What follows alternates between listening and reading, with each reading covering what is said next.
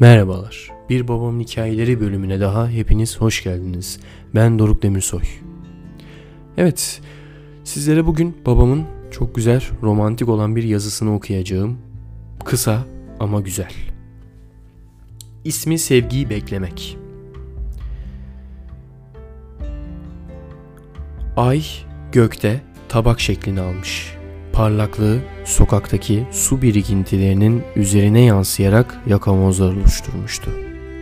Şubat ayının keskin gece ayazında yakamozların aydınlattığı sokakta bir araba durdu.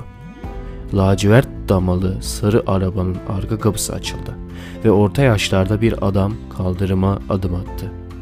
İndiği araba öyle sıcak olmalıydı ki dışarıda soğuğu gören gözlüğünün camları aniden buharla kaplandı.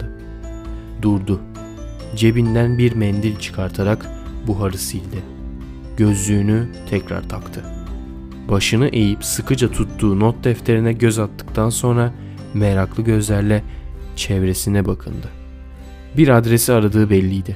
Aniden hızla sağına döndü. Köşe başındaki apartmana doğru kararlı adımlarla yürüdü. Aradığı yeri bulmuştu. Apartmanın 6 numaralı dairesinin zilinde hayatının kadınının ismini okudu. Onu aşkına yaklaştıran her adım damarlarında akan kanı hızlandırıyordu.